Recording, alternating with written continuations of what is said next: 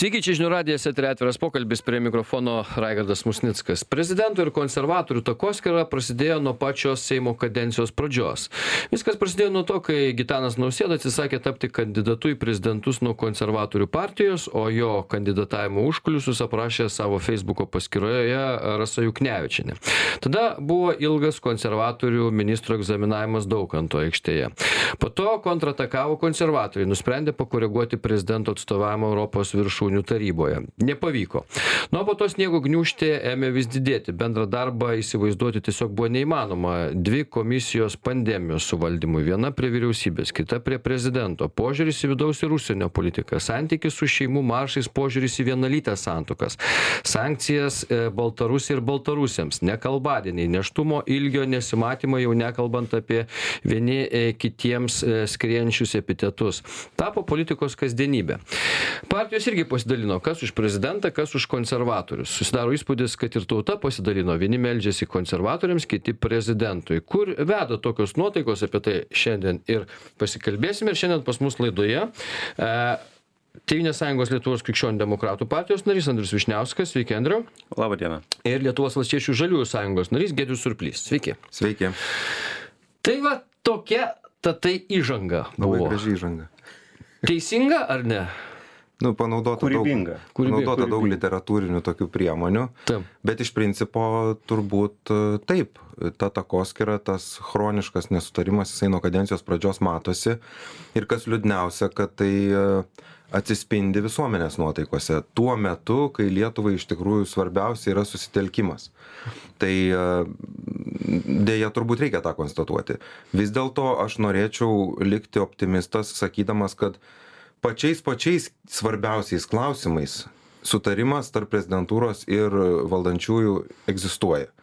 Aišku, su tam tikrom peripetijom, bet buvo, mes pasiekėm Vokiečių brigadą, mes e, padarėme, surengėme tikrai aukšto lygio e, NATO viršūnių susitikimą Lietuvoje, mes nepaliaujame, turbūt esam lyderiai paramos Ukrainai telkime, tai, tai svarbiausiais klausimais mes tikrai sutarimą turime, tačiau gaila, kad na, tas sutarimas uh, yra atmieštas tokio vat na negražiais epitetais informacijos nutekinimu kuri neturėtų būt nutekinta ir kitais dalykais išsireiškiančio na nesutarimo iš tikrųjų tokio politinės kovos ten kur jos tikrai neturėtų būti andriau kai kaip visa tai dabar čia vyksta? Kod ko na aš bandžiau susekti chronologiją tam tikrą nesutarimų konservatorių su prezidentu. E, ir ir man pasirodė kad vis dėlto e, e, pirmieji pradėjo konservatoriai sakykim paskelbdami apie užkulisius kandidatavimo nausėdos nes iš pradžių jis kai turėjo su nuo konservatorių partijos būti ten buvo išdėstyta kaip ką ką nausėda pasakė susitikime su Juknevičinė, kad jis nenorėjo kandidatuoti e, kartu su Ušacku ir taip toliau. Buvo ten tų visokių istorijų, paskui tarsi kažkokie įsižeidimai buvo ir prasidėjo tas sniegos gniuštės ridenimasis ar čia e, neesminiai dalykai šitie yra? Ar yra principiniai kažkokie nesutarimai konservatorių nausėdos jeigu mes kalbam apie tą priešistorę tai na manau tas mes neturėjom ten kažkokio tai rimto bandymo įkalbinti kandidatuoti. Tiesiog buvo etapas kai mes turėjome kitokį apsisprendimą na dabartinės premjerės ir kalbėjomės tiek su juo tiek su kai kuriais kitais žinomais žmonėmis. Tiesa dabar truputį analizuojant jau ir tą laikotarpį mes ten turim tokią parlamentinę komisiją kur daug visokių liudijimų ir įdomios chronologijos susidėlioja tai matosi kad jisai niekada net nesvarstė turėti galimybės turėti tėvynės sąjungos kažkokią paramą rinkimuose. Tai man atrodo šitas faktorius nėra labai kažkoks svarbus. Bet toj chronologijoj man atrodo reikia kito etapo ir prisiminimo kad šitas prezidentas pusantrų metų dirbo su kita valdančiąja koalicija su valstiečiais žaliaisiais.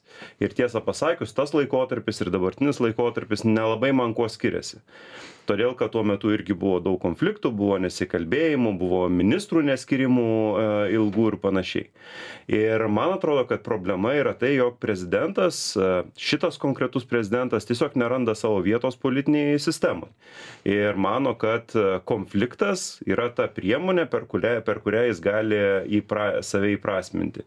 Jeigu eisi į konfliktą su konservatoriais su valstiečiais su dar kažkuo tu būsi kažkoks nepriklausomas neva žmonės žmonės myli nepriklausomus ir, ir, ir panašiai.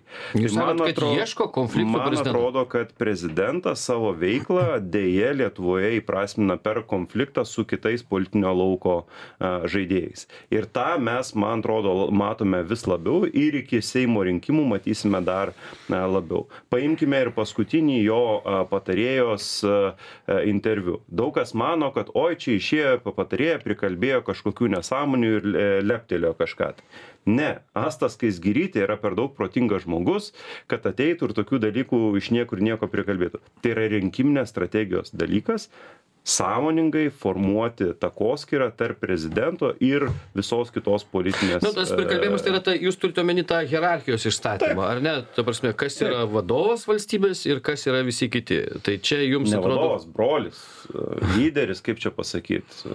Vadovas yra viena, bet ten buvo pasakyta žymiai daugiau dalykų mhm.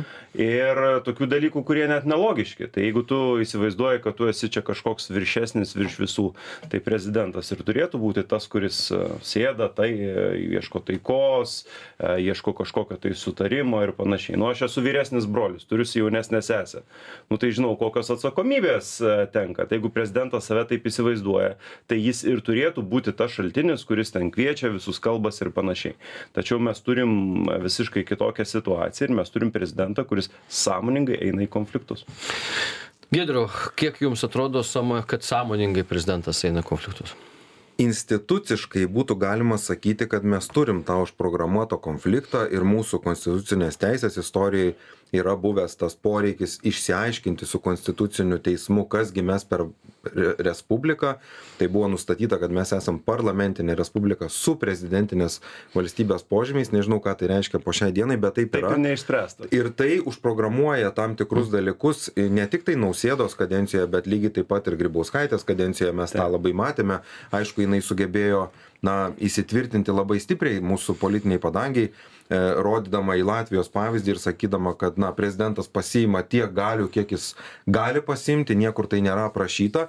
E, tačiau e, iki galo nenorėčiau sutikti su tuo, kad dabartinis mūsų prezidentas Gitanas Nausėda savo modus operandi supranta tik tai skaldyk ir valdyk.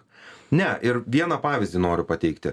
Būtent partijų susitarimas dėl užsienio politikos kurį na mes valstiečiai inicijavome paskui prezidentas pasakė guldom ant popieriaus.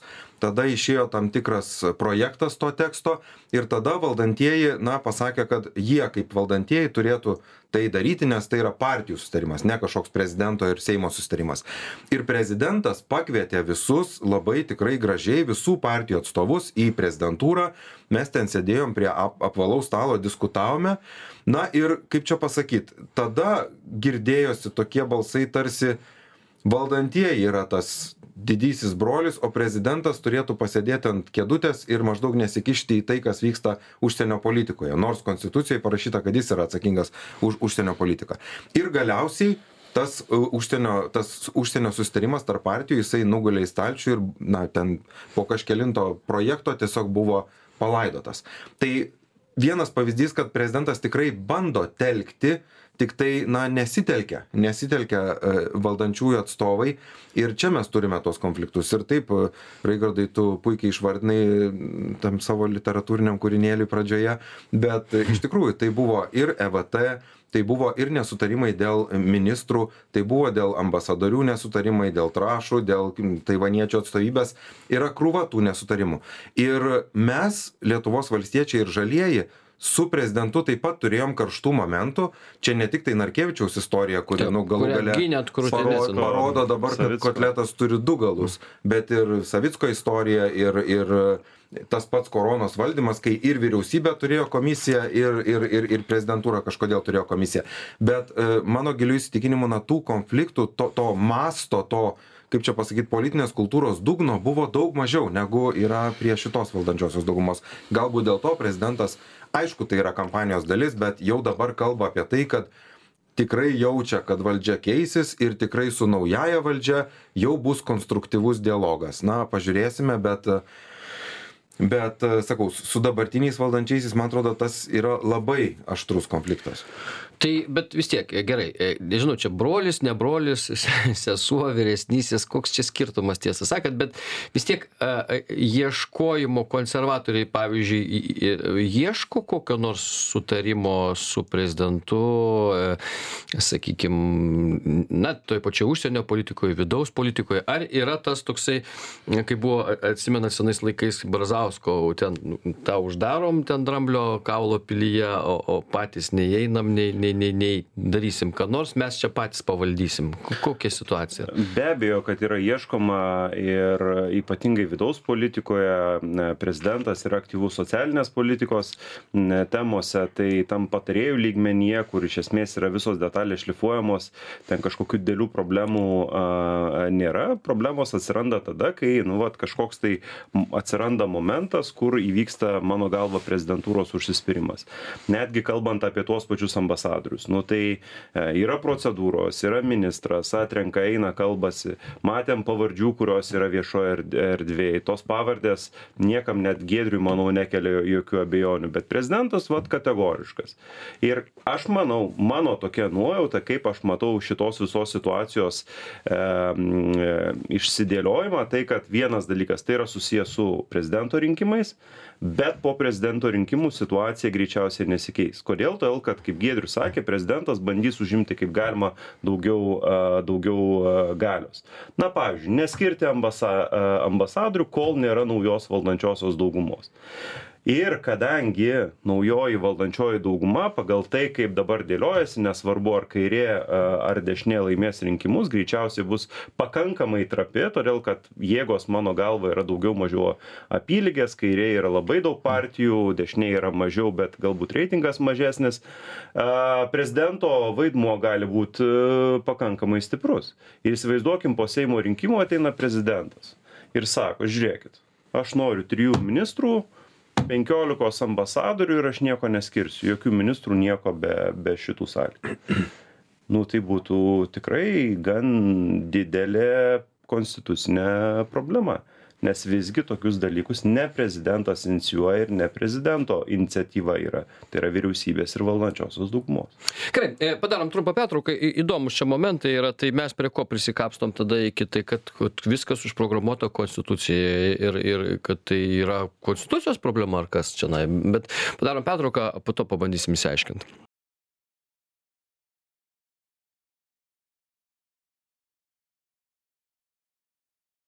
tęsiame atvirą pokalbį ir prezidento ir valdančiųjų takoskyra e, skaldo visuomenę. E, mes prie to dar prieisime bet dabar šiaip aiškinamės o kur yra priežastys e, tikrosios nes konstitucija yra viena o charakterio savybės ir užsispyrimas gali būt kita. Juo labiau kad sakykim politikoj didžiojoj tai ir ir pa partiniai dalykai kartais partijos nusprendimas vienos ir kitos kaip didelės organizacijos elgtis vienaip ar kitaip kartais būna svarbiau už konstituciją.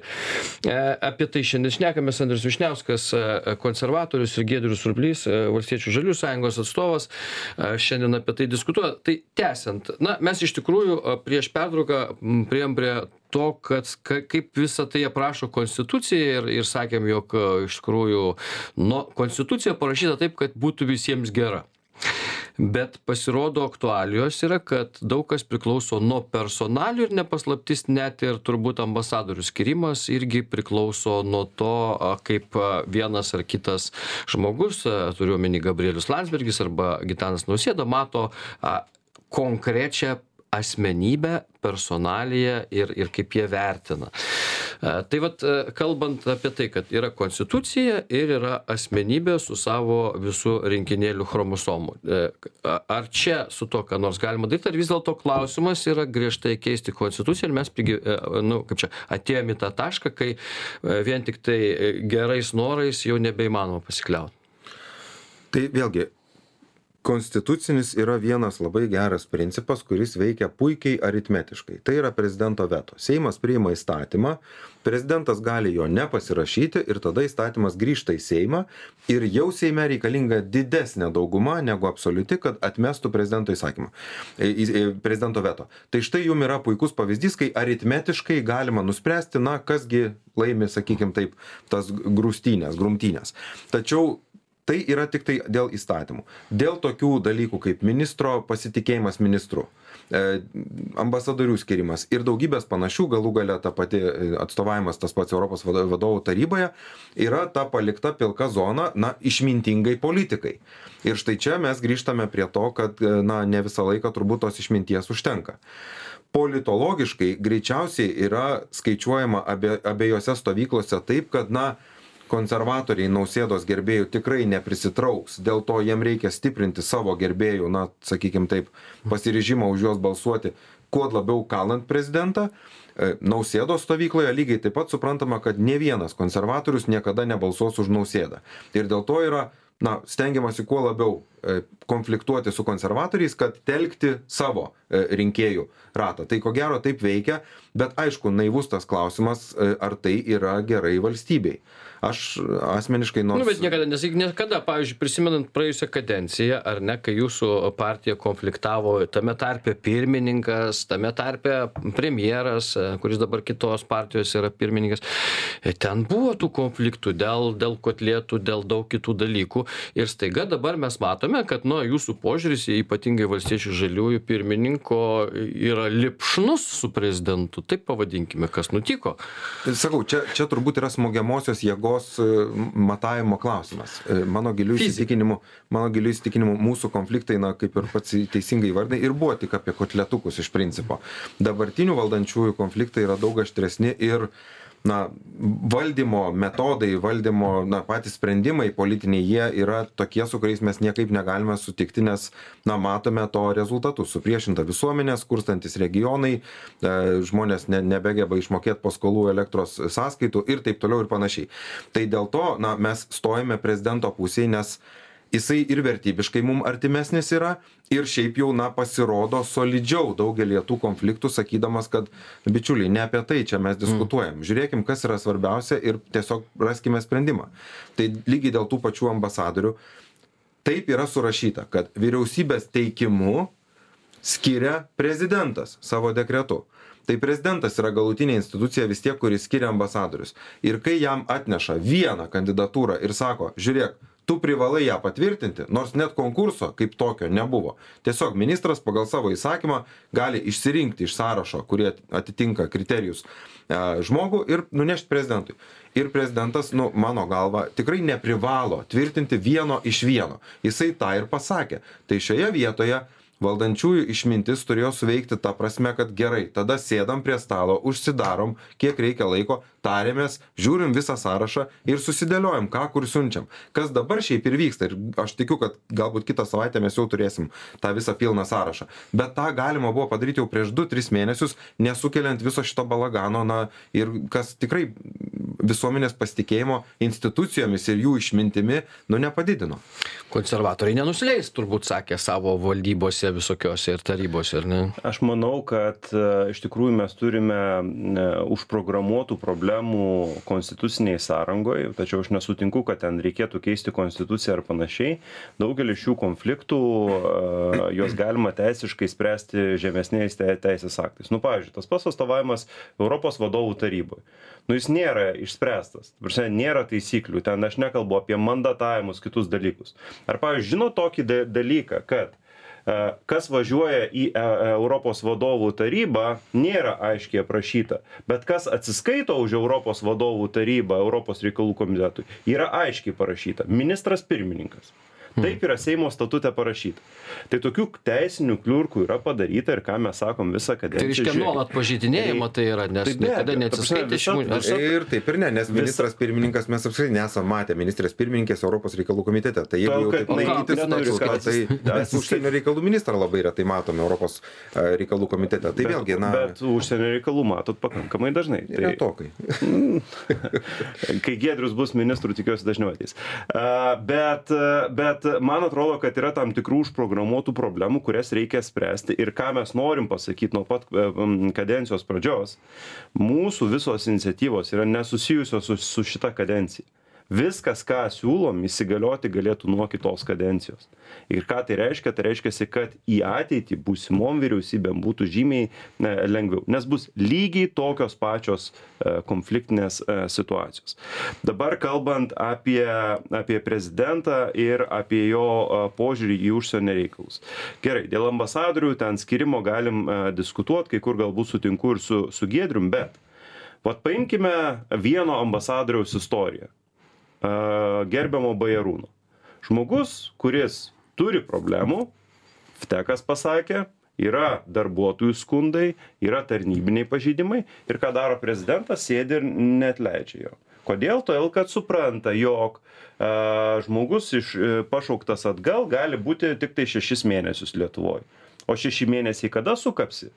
Po prezidento rinkimų artėjant naujos vyriausybės formavimui. Ir ką aš prognozuočiau darys prezidentas, sakys, žiūrėkit, nu čia mano draugas, nu, nu, nu, nu grįžta į Londoną ir viskas.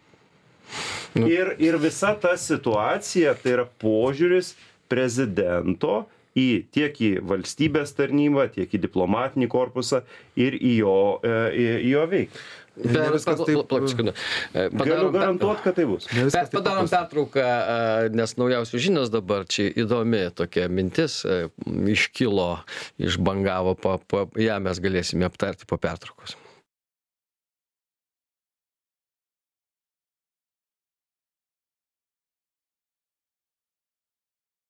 Tęsiame atvirą pokalbį ar prezidento ir valdančiųjų takoskyra turi įtakos ir visuomenės a, susiskaldymo apie tai šiandien šnekamės e, kol kas nagrinėjame apskritai priežastis ir ir e, e, pasiekmes galbūt e, užsienio politikai čia jiems tos pasiekmes kol kas visiems matomos ir žinomos daug kas čia atsiremia galbūt ir asmenybės bruožus e, tiek konservatorių tiek ir prezidento e, ne viską norima galbūt taip lengvai e, aprobuoti ir praleisti kaip kaip e, atrodo norėtųsi. Bet vėlgi klausimas čia apie iškilęs kas čia vyresnysis brolis ir ir kas čia iš tikrųjų e, kietesnis jisai šių dienų irgi aktualijose yra. Andrius vyšniauskas konservatorius giedrius surplys valstiečių žaliųjų sąjungos narys šiandien mūsų pašnekovai.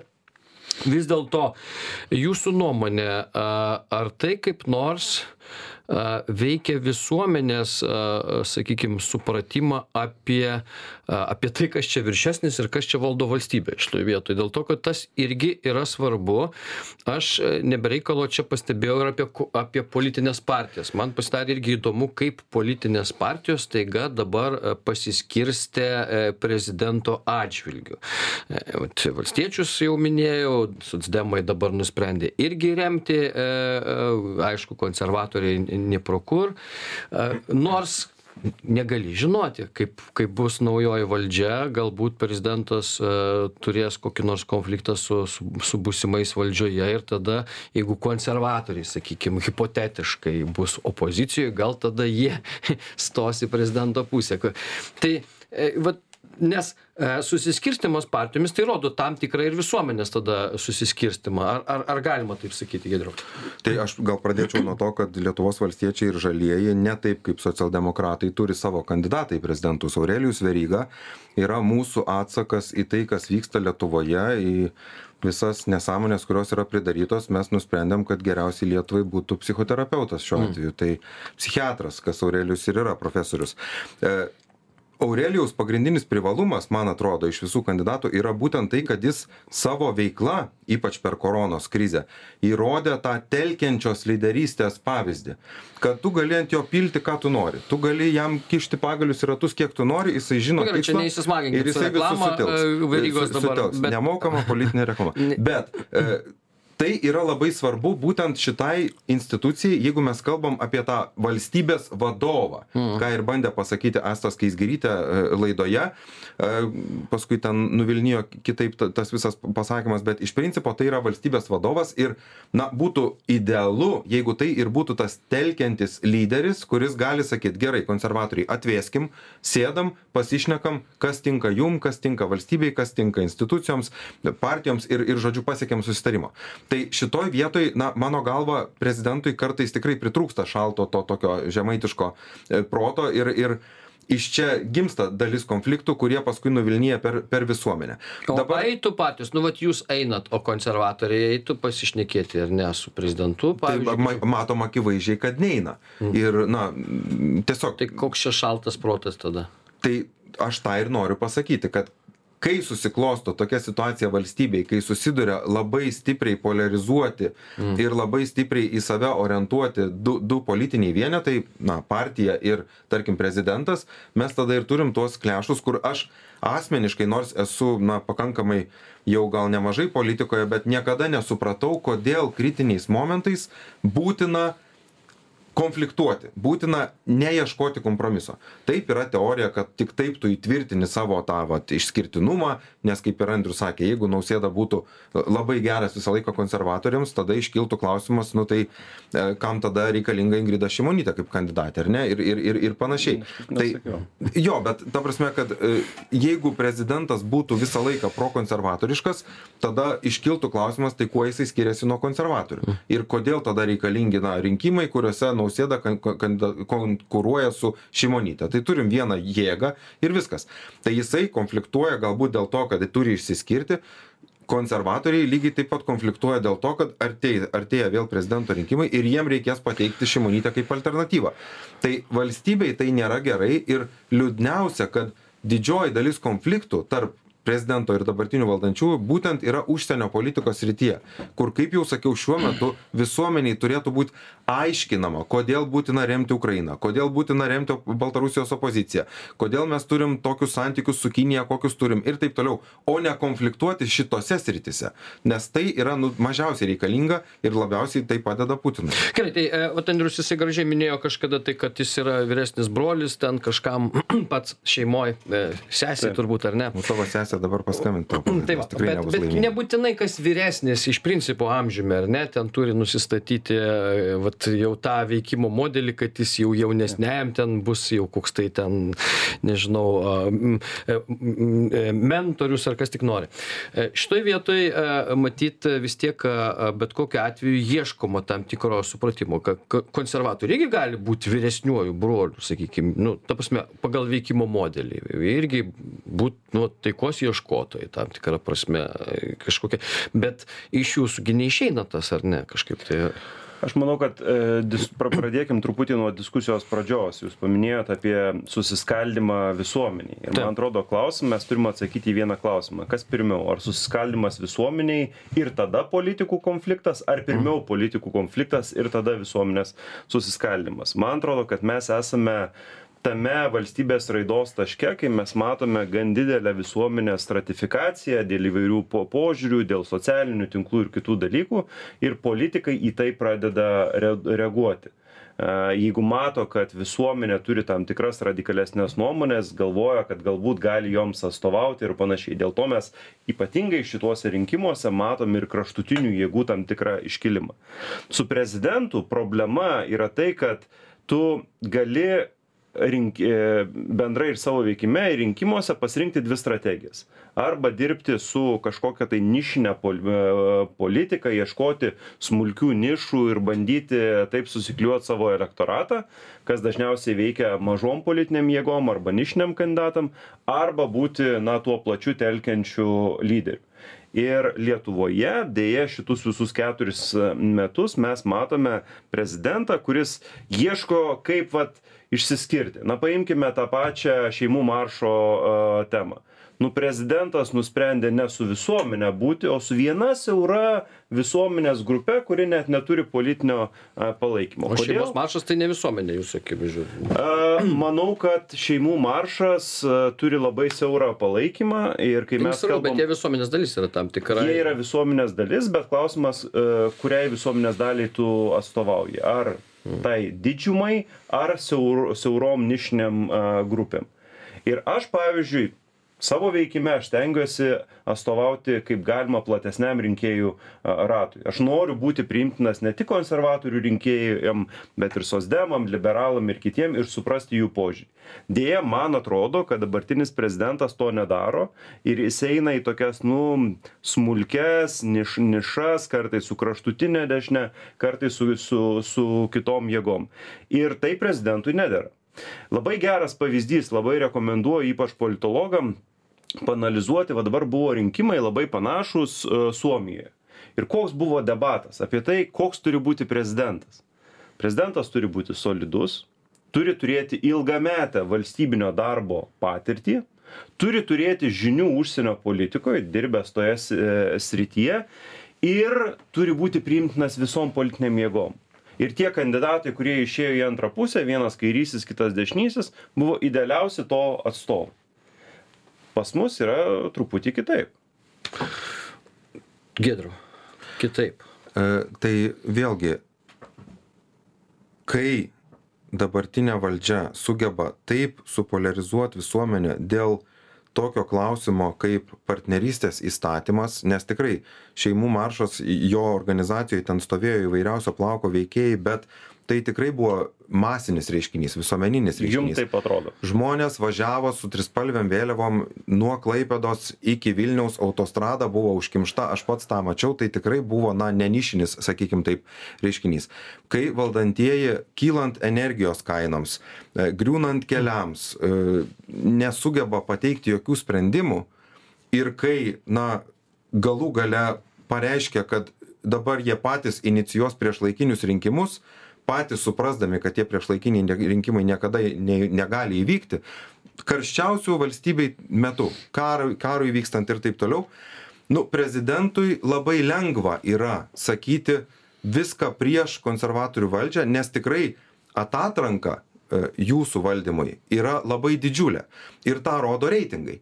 Tai kai tokia situacija susiklosto, kad valdantieji, na, akivaizdžiai demonstruoja, kad e, A, trūksta tam tikrų nu kūrybinių galbūt sprendimų ir b nenorima kalbėtis su visuomene nes neva tai mes patys geriausiai žinome.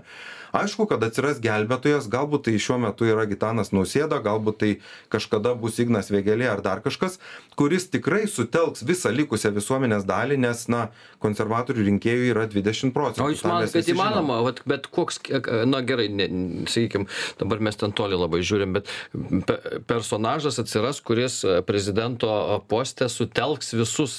Apskritai tai man čia tas pats kaip pakelti seimo reitingus yra tokia pati utopija aš tą ir noriu pasakyt gal čia ir yra utop utopinė mintis bet iš principo kai valdantieji akivaizdžiai susiduria su valdymo krize ir tos krizės kartojasi tai na joks valstybės vadovas arba joks lyderis aišku nenorės su jais tapatintis ir atsistoti ten kur stovi dvidešim procentų rinkėjų. Aišku kad jis ieškos tos aštuoniasdešimties procentų visuomenės paramos.